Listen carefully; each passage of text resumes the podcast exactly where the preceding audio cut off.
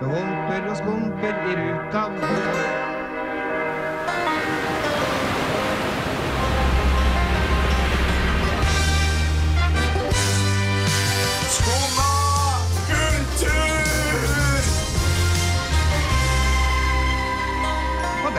så humper vi opp og ned.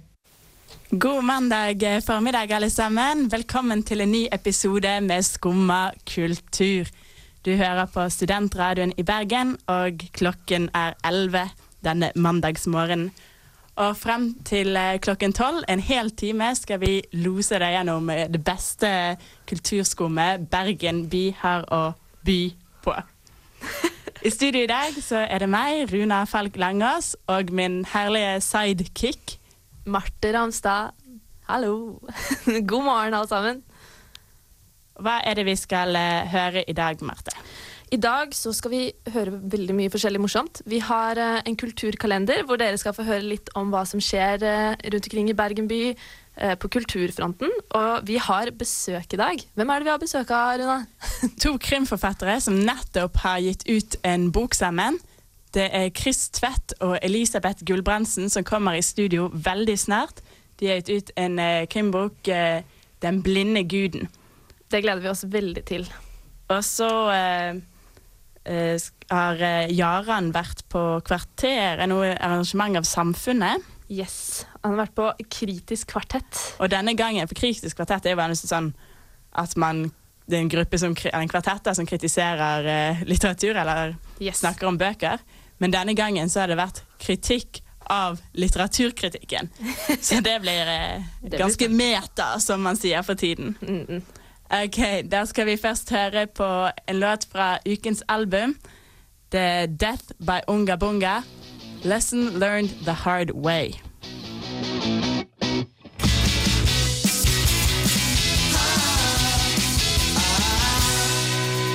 Ja, jeg heter Arve Tellefsen, og jeg hører ofte på Skumma kultur. Men jeg vil mye heller spille fiolin. Arve Tellefsen vil helst spille fiolin, men eh, vi vil helst eh, høre på Skumma kultur. Særlig nå som vi har fått eh, gjester i studio. Velkommen Chris Tvedt og Elisabeth Gulbrandsen. Tusen takk. Eh, dere har jo nettopp gitt ut en ny bok sammen. Chris har vært i studio her før. I høsten 2010 så eh, hadde du gitt ut eh, 'Dødens sirkel'. Stemmer det? Ja, Den handlet om eh, advokaten Michael Mikael Brenne. Femte boken, som du også vant Riverton-prisen for senere. Gratulerer og litt på etterskudd. Ja, tusen takk. Det var på tide du sa det. Og eh, denne gangen så har det også med Elisabeth som eh, forfatter. Det er veldig stas. Vi har to gjester. Og eh, Michael Mikael Brenne er lagt på hyllen. Ja, i hvert fall foreløpig så er han plassert på hyllen. Og inn så er jeg kommet eh, Kripos-etterforskeren Edvard Matre. Ja. Var det riktig navn? Det er helt riktig navn. Et godt vestlandsnavn. Er det det? Ja, vi, det, vi fant jo på navnet fordi at uh, Matrefjellet er liksom noe av det mest vestlandske som jeg kan tenke meg. sant? Hvor er Matrefjellene? Ja, oppe i Nordhordland her. Dette må dere vite. Oi, ja, dette, dette er nytt for meg i hvert fall. Det var der eh, motstandsbevegelsen var lokalisert Ah. her. Ja. Under annen verdenskrig. Og de ble, var viten bekjent. De, var, altså, de klarte ikke å knekke de. Nei. Da lærer vi litt uh, historie i dag Og det er kanskje litt symbolsk der for hans navn? At han Ja. kan ikke knekkes? Ja, vi tenkte at det var et navn med litt sånn Ja, litt sånne gode overtoner. Sant? Fra det er solid, det er litt tøft, det er ganske norskt, og det er definitivt litt motstandskraft i det navnet. Mye grå fjell. Kult. Det høres veldig, veldig spennende ut. Den nye boken heter jo 'Den blinde guden'. Så nå som vi er inne på navn, hvordan kom dere på navnet på boken? Ja, Det skyldes vel egentlig Rimihagen. Jaså? Eh, Ja, det gjør det. For jeg skriver jo kronikker eh, hver uke, hver søndag i eh, BA. Bergensavisen. Og der eh, eh, må jeg ofte kjefte på Rimihagen. Hvis jeg er helt tom for ideer til noe, så skriver jeg noe stygt om Rim i hagen. Og 'Blinde guden' var en fin overskrift, oppdaget jeg, fordi at det er altså den det kommer det, det handler om Plutus eller Plautus. I gresk og romersk mytologi så var han eh, grådighetens gud. Og det, I Dantes Inferno så vokter altså Plautus, den blinde guden, vokter han helvetes fjerde sirkel, tror jeg det er. Eh, Stakkars rim i hagen. Det ble litt drøyt, da, men, men vi syns navnet passet godt på en krimroman. Ja. Eh, Hva handler boken om? Handler den om greske guder? Det gjør den ikke, men den handler om grådighet. Han handler definitivt om grådighet. Har utgangspunkt i et ganske brutalt ran som skjer i Bergen. Eh, ran på en såkalt tellesentral. Sant? Sånn, sånn som Nokas-ranet var. Eh, og så ender det opp med et eh, ganske guffent drap. Vi syns i hvert fall det er guffent. Og da blir altså Edvard Matre og teamet hans, som selvfølgelig er Kripos-folk, og så derfor er lokalisert i Oslo, de ble tilkalt til Bergen. Og så ruller det egentlig videre derfra, da. Det er litt vanskelig å si hele handlingen, rett og slett, for det er en krimbok. Ja, vi må jo ikke røpe, Nei, så det, røpe det er liksom problemet. Du har så lyst til å snakke om det, og, og sånn, men så stopper det opp av seg selv. For det går ikke an å ta vekk det som er spennende for leseren. lese boka. Ja. Ja, Og rett og slett lese boken. rett og slett. skal snakke mer eh, med krimforfatterne Chris Tvedt og Elisabeth Gulbrandsen. Etter at vi har hørt eh, en liten eh, trall, skal vi høre Alt J med Breeze Blocks. Det er en remix av en som heter Nisita. You make me gain the urge, run away, but hold her down. So I love you, so I love you so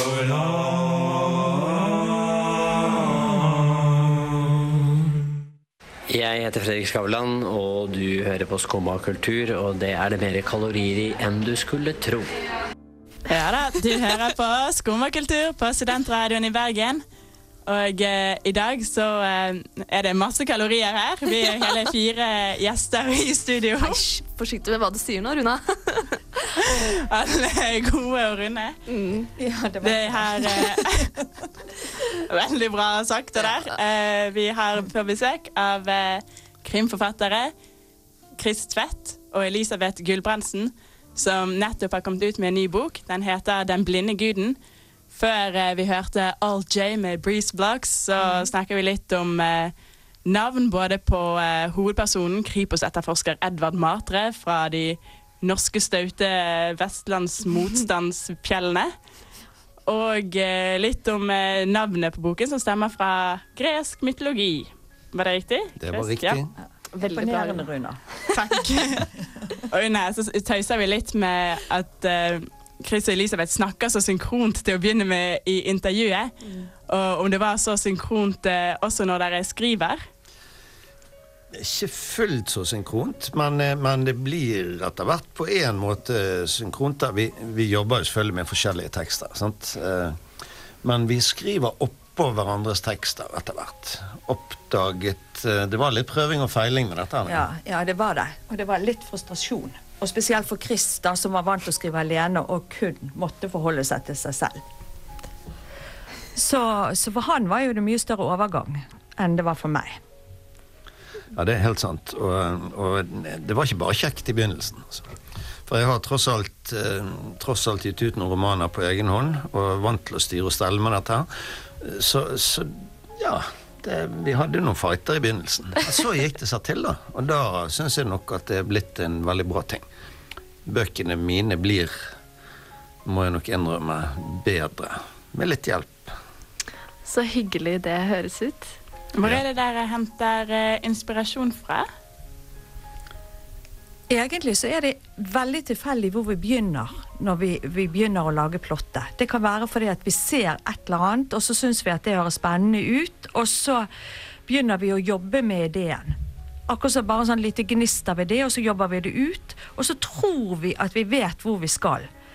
Men veldig ofte så forandrer vi fokus underveis. Eh, sånn at vi blir noen ganger litt overrasket selv òg. Ja, det, det er helt sant. Og så tenker jeg at det med inspirasjon, det kommer når du trenger det, på et vis. Eh, når vi kommer i den fasen at vi vet at nei, nå må vi jammen skrive en ny bok, for nå begynner det å bli tomt på kontoen f.eks., så kan det være en motivasjon. Eller at vi har dovnet oss for lenge. Og Da er det rart med det. Da begynner det å surre rundt under topplokk, og da kommer på en måte ideene fra alle og ingen steder fra. Fra avis og TV og film og Ja, for det beskrevet beskrev liksom et grufullt, avskyelig drap. Er dette sånn dere holder på med? Det er en del av hverdagslivet deres? Dette, dette koser vi oss med, skjønner du. Det hører jo med, da. Ja. Men så er det veldig rart med inspirasjon. For det er, jeg tenker at det er når, når du jobber med en ting og går inn i en ting, så får du masse mer enn det du begynte med. Det blir plutselig mye mer interessant. Du ser flere utveier, du ser flere muligheter. Og det, det gir Det er det på en måte som blir inspirasjon. Altså Du må liksom jobbe deg frem til inspirasjonen på mange måter selv. Men eh, jeg lurer på, fordi i slutten av oktober så skal det bli arrangert et sånt litterært kvarter, hvor eh, ulike norske forfattere skal eh, snakke litt om hvordan eh, bøker og litteratur blir til, og litt sånn hva forfattere gjør for å få kreativiteten til å suse. Har dere hatt noen sånne eh, ritualer som dere gjør når dere skal skrive? Er det sånn, liker dere å på en måte Jeg vet at eh, Knut Hamsun skrev noen av sine bøker i senga, og ja, Ja, der, sånt? eh, der skriver vi i hvert fall ikke bøker. Det, det, vi har en greie som vi har gjort i flere år nå, og det er å kjøre på biltur til Sotra. Vi kjører til Glassvær, tar en kopp kaffe, og så kjører vi hjem igjen. Det er så periferifestivalene. Å, ja. Ja. Ganske langt opp Ligger helt ut ved havet. Og da kjører vi der til, og da er vi på en måte litt sånn i, i eh, kreativitetsmodus. Da kommer vi på Mm. ganske mye lurt. Og så en del ting som eh, er ganske dumt. Det er noe med å forflytte seg, eh, fordi at du åpner opp på en måte. ja. Og i, i den Var det, var det eh, forrige bok det at vi satt på toget til Oslo? Jeg kan synes at det kan være en lang reise. Vi skulle i bursdag. Og den togreisen bare fløy. Og da hadde vi laget plottet til den boken. Som i hovedsak holdt oss til hele tiden, altså. Så vi er egentlig litt motstandere av sånne høyhastighetsbaner, vi da. Ja, man må bruke tiden man har på toget til å la kreativiteten bare Ja. falle over seg. Ja, og så er det noe med å forflytte seg som gjør at du åpner opp Ja, på en annen måte. Ja, jeg elsker det der med reising, for du åpner opp. Ja. Så Bergensband på fire timer vil bli en veldig dårlig eh, Det sak for Norges eh, ja, det blir bare en, det blir bare en novelle. Det blir bare forflytning og ingen kreativitet. Godt. derfor vi håper at eh, Bergensbanen fortsetter å bruke litt lang tid, og det ser det jo ut til, da. Ja, jeg tror vi kan være ganske trygge på Politisk sett. Ikke noe fare med det. Tusen takk, eh, Chris og Elisabeth, for at dere ville komme i studio i dag i eh, Skummakultur på Studentradioen i Bergen og snakke om Veldig hyggelig å ha besøk. Kjekt å være her. Tusen takk skal dere ha. Greit. Der skal vi høre en ukens låt, 'Grizzly Bear', med Will Calls.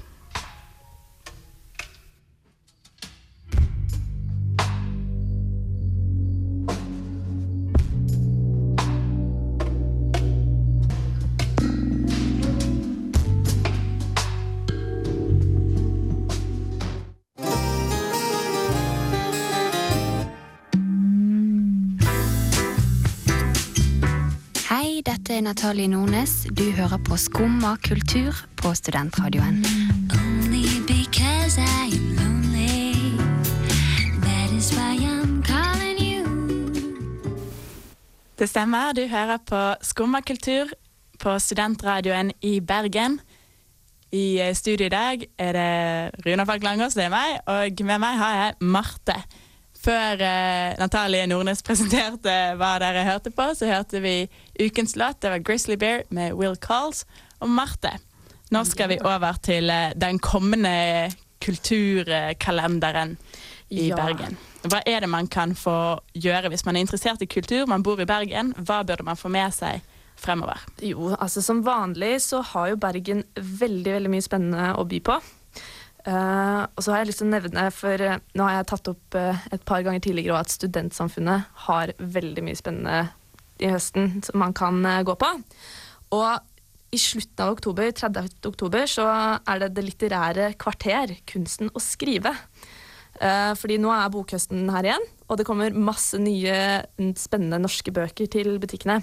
Og da inviterer Studentersamfunnet til møte om skrivekunst. Og da kommer det ny, mange norske forfattere som skal dele sine erfaringer med å skrive, og hvordan litteraturen blir til. da.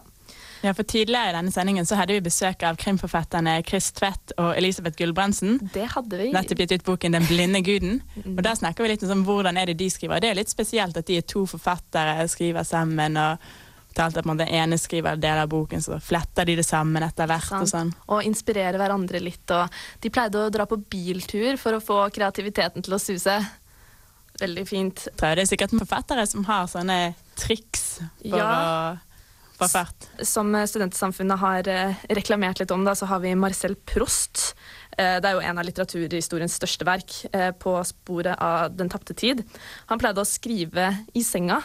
Og Knut Hamsun skrev i halvsøvne midt på natta, og det er mange forfattere som det er kjent at de kanskje var litt i rusen når, eh, når de skrev. Eh, Det var nok ikke våre krimforfattere akkurat, men eh, man har alltid sine rutiner for å få kreativiteten til å suse litt, da. Så eh, da kommer forfattere som Heidi Furre, Henrik H. Langeland og Jan Erik Vold, som skal komme da og snakke litt om skrivekunstens hemmeligheter. Så er det litt om erfaringer, kunnskap og tips om hvordan man skriver skjønnlitteratur. da. Så det tror jeg blir eh, veldig veldig spennende å få med seg. Spesielt hvis du er litt interessert i å skrive selv, eller hvordan den ordentlig gode litteraturen blir til. Mange spennende forfattere der, det. Absolutt. Jan Erik Vold er en, eh, en av mine favoritter. Mm, og gøy at hun Heidi Furre er jo veldig ung, Ja. så det blir spennende å høre om Ja, om det er noen skiller på tvers av generasjoner, eller på tvers av sjangre, eller hvordan. Absolutt noe å få med seg hvis man er interessert i hvordan litteratur skapes. Yes. Og så har vi også noe annet veldig spennende som skjer. For um, på Litteraturhuset 3. oktober, det er litt nærmere faktisk, det er jo på torsdag allerede, da kommer Tore Renberg eh, til Litteraturhuset for å snakke om sin nye bok som heter Vi ses i morgen. Og det er en 600 siders roman om kjærlighet og penger i verdens rikeste by, Stavanger, da. Og om hans veldig varierte forfatterskap. Det som er veldig morsomt, er at eh, han studerte jo i Bergen. Så han kommer eh, tilbake igjen hit eh, sammen med Lars Vaular. Det var en eh, Ja, kul kombinasjon. Ja, så De skal snakke om den nye romanen og om den kreative prosessen. Om forskjellen mellom roman og hiphop. Det er veldig merkelig. Er det noen forskjell, egentlig? Ja. Eller er det akkurat det samme? Kanskje det, ja, Den kreative prosessen kan jo være noe lik, da.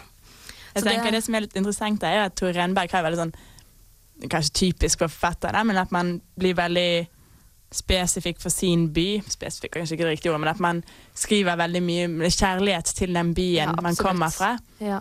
Uh, og tilsvarende merker man jo litt med Lars Vaular, at han tar veldig sånn til seg bergensdialekten. Og Mm. han er veldig mer sånn En kjærlighet Man til skjønner hjemstedet. at han er fra Bergen, og han bruker det på samme måte som Mm. Tore Enberg bruker Stavanger.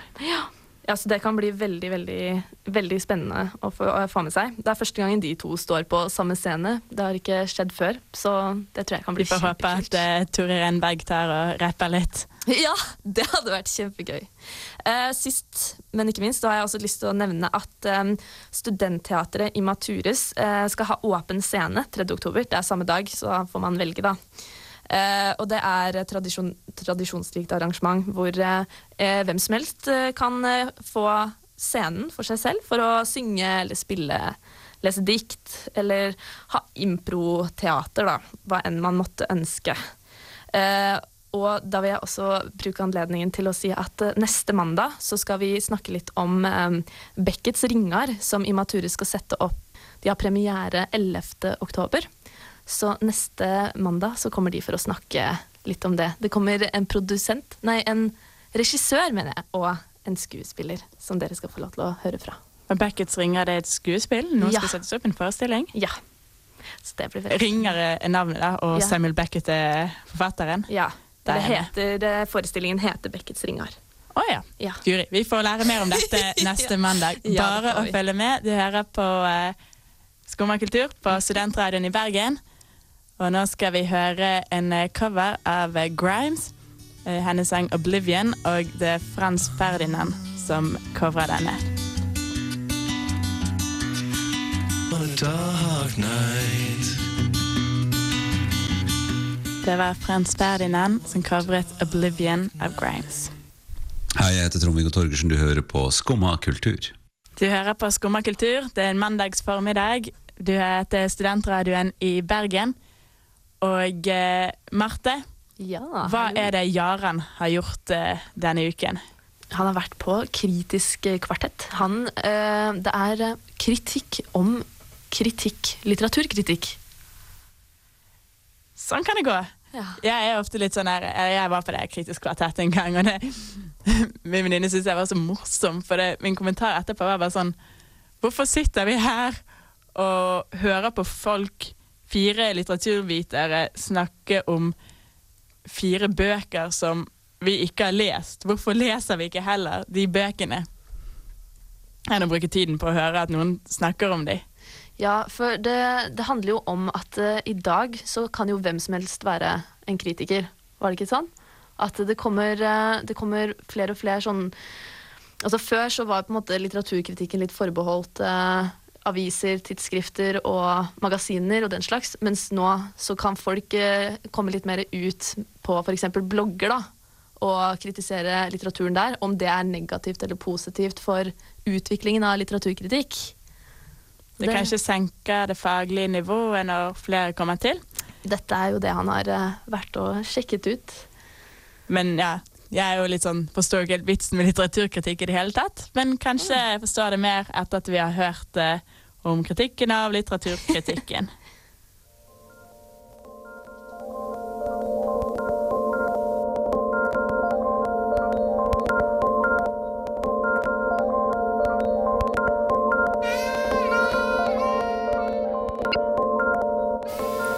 Dag kan alle være kritikere.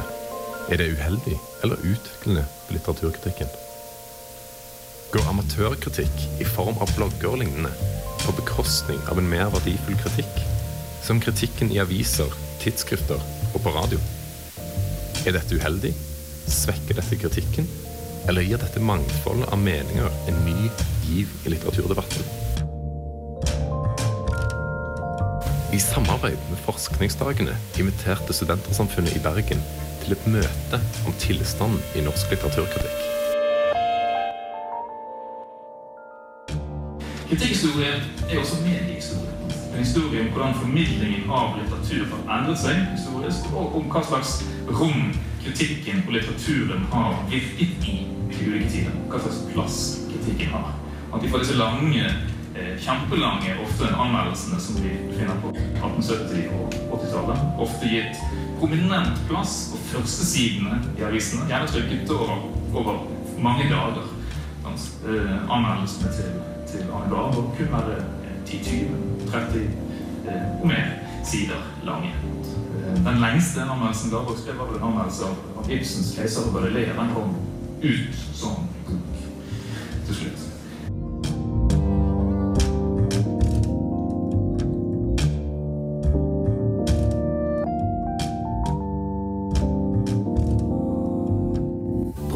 Eirik Vassenden og stipendiat Kristoffer Juel Larsen deltar begge i et nasjonalt forskningsprosjekt om å skrive norsk litteraturkritikks historie fra 1870 til 2000.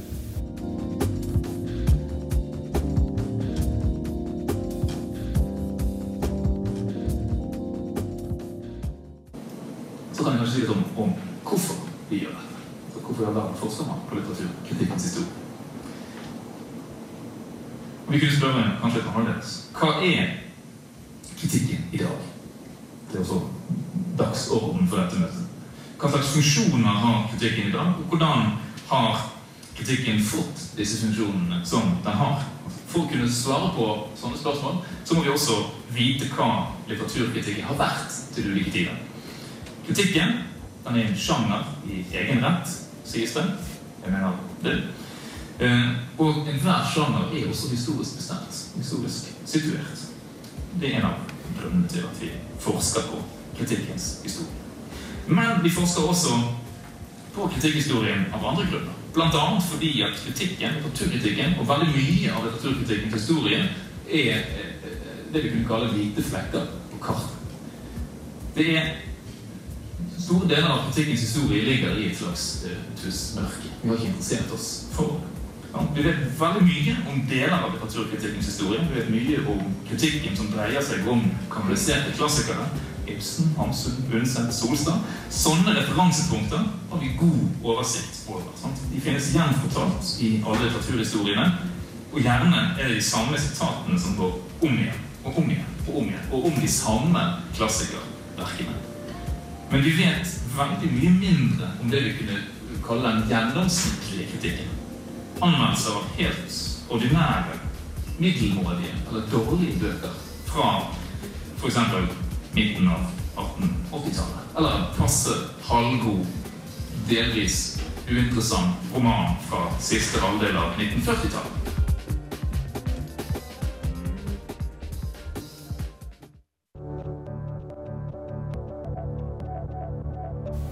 Ja, det var Jaran som hadde vært på eh, kritisk, eh, kritisk kvartett. Yes. Om litteraturkritikken i dag, om den blir truet av eh, blogger, og at ikke fageksperter Ja, litt sånne amatørkritikere, som man så fint kaller det nå. Sånne som egentlig ikke har Altså helt vanlige folk som skriver om litteratur på f.eks. blogger. Nå eh, skal vi høre en sang. Dette er Arcade Fire, som spiller Reflector.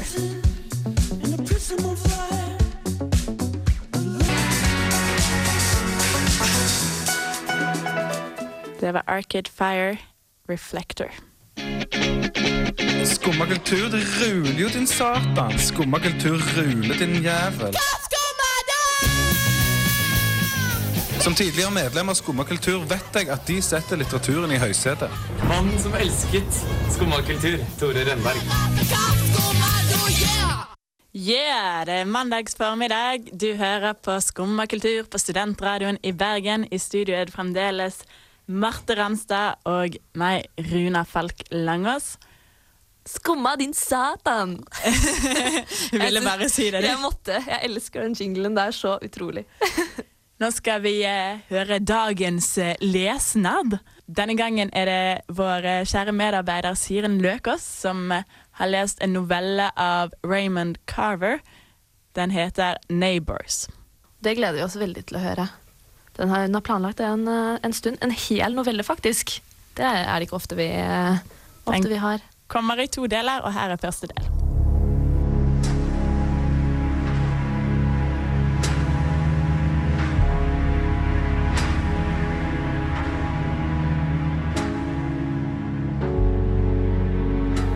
Arlene Miller were a happy couple. But now and then they felt they alone among their circle had been passed by somehow, leaving Bill to attend to his bookkeeping duties and Arlene occupied with secretarial chores. They talked about it sometimes, mostly in comparison with the lives of their neighbors, Harriet and Jim Stone. They seemed to the Millers that the Stones lived a fuller and brighter life. The Stones were always going out for dinner, or entertaining at home, or traveling about the country, somewhere in connection with Jim's work. The Stones lived across the hall from the Millers. Jim was a salesman for a machine parts firm and often managed to combine business with pleasure trips.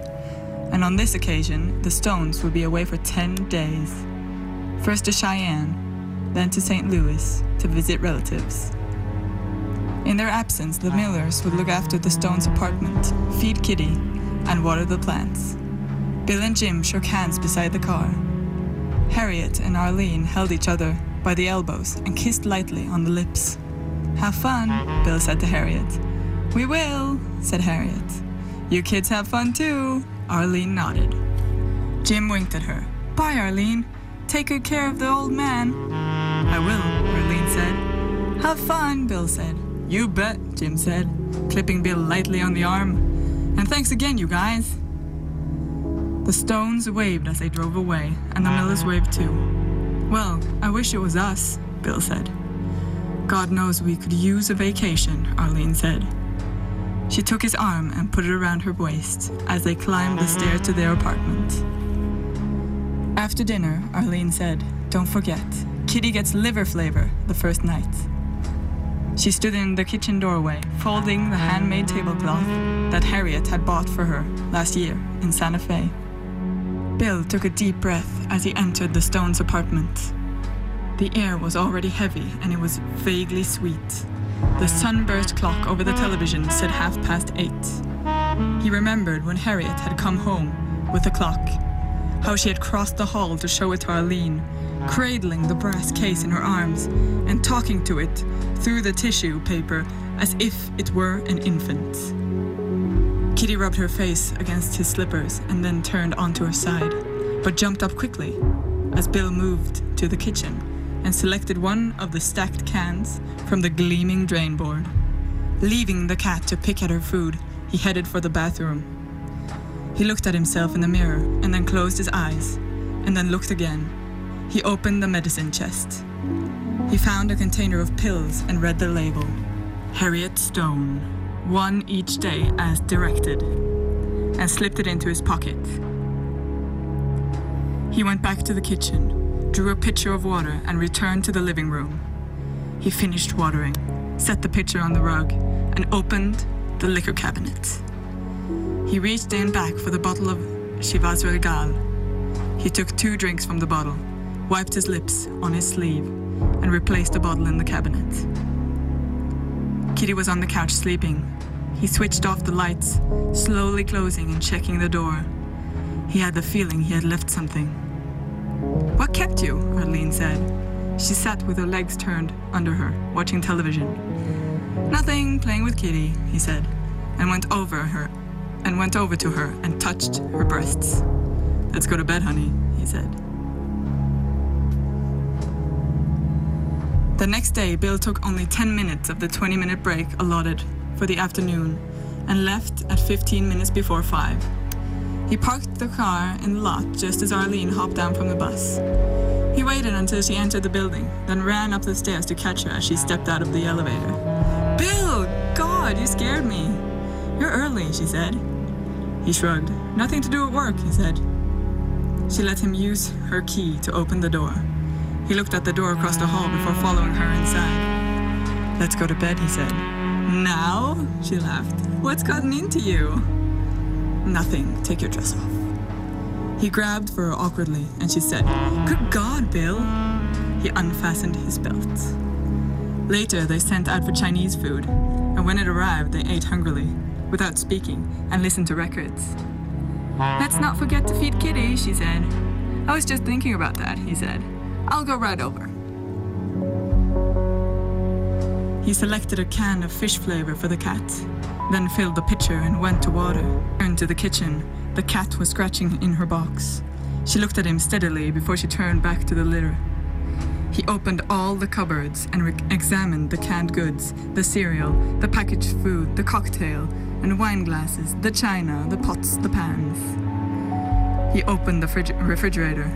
He sniffed some celery, took two bites of cheddar cheese, and chewed on an apple as he walked into the bedroom. The bed seemed enormous, with a fluffy white bedspread draped on the floor. He pulled out a nightstand drawer, found a half empty package of cigarettes, and stuffed them into his pocket. Then he stepped to the door and was opening it when the knock sounded at the front door. He stopped by the bathroom and flushed the toilet on his way. What's been keeping you? Arlene said. You've been over here more than an hour. Have I really? He said. Yes, you have, she said. I had to go to the toilet, he said. You have your own toilet, she said. I couldn't wait, he said. That night, they'd made love again.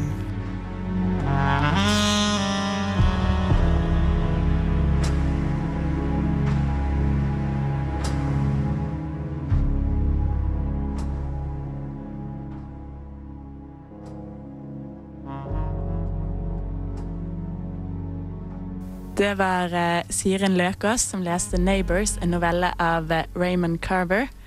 Nå skal vi høre band som heter Peace, fredfullt navn, eh, som covrer Disclosure sin hit 'White Noise'.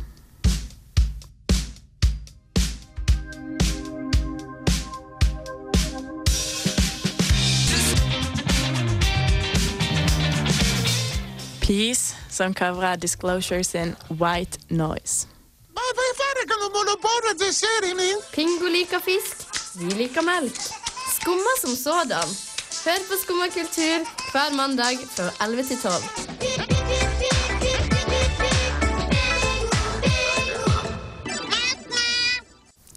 Quack, quack, du hører på Skummakultur på Studentradioen i Bergen.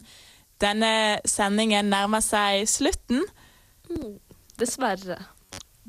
Fin eh, mandags formiddag. Snart er det på tide å komme seg ut, eventuelt høre på Samfunnet som kommer etter oss. Hvis du fortsatt ligger i senga, så er det på tide å stå opp nå. Det er sant. Ærlig talt. Kom deg ut. Få start uka. Hva er det vi har eh, vært gjennom eh, i det løpet av den siste timen, Marte? Jo, eh, vi har hatt gjester i studio i dag. Eh, to krimforfattere. Chris Tvedt og Elisabeth. Gulbrandsen. De har snakket om sin nye bok 'Den blinde guden'. Det var veldig veldig hyggelig. Veldig hyggelige folk å ha i studio. Jeg gleder meg veldig til å lese den boken. Ja. Så har vi snakket litt om hva som skjer på kulturfronten i Bergen denne uka. Så hvis du ikke fikk med deg sendinga i dag, så må du gå inn på srib.no og sjekke ut podkast. Ja. Eller man kan finne på sånn iTunes Story eller som man vil. Ja. Og så uh, skal vi jo takke vår Vår medarbeider Jaran. Ja. Han hadde jo vært på Kritisk kvartett, på, uh, eller Kritisk kritisk kvartett, Mm. på Samfunnet, og Studentersamfunnet sier man kanskje i Bergen. Og så eh, uh, laget innslag om hvorfor eh, man kanskje skal være litt kritisk til den moderne litteraturkritikken. Ja. For nå i dag så kan jo hvem som helst være en kritiker. Skal man svelge alt man eh, hører, eller burde man være litt kritisk? Gjøre opp sin egen mening, synes vi. Så har eh, Siren Løkås eh, lest en novelle av Raymond Carver. Den het 'Neighbors'. Vært en god sending i dag, Runa. Det her det. Får du ikke nok av skummakultur, vil du ha våre updates på sosiale medier, så er det jo bare å like oss og følge oss. Og så må dere tune inn klokka 11 på mandager. det er sant. Her er vi hver mandag fra 11 til 12. Tusen takk, da. Da er det bare å ønske alle våre lyttere en eh, strålende mandag videre. Så skal vi høre Mø XXX 88. Ha en fin mandag, alle sammen. Ha det! Takk for oss.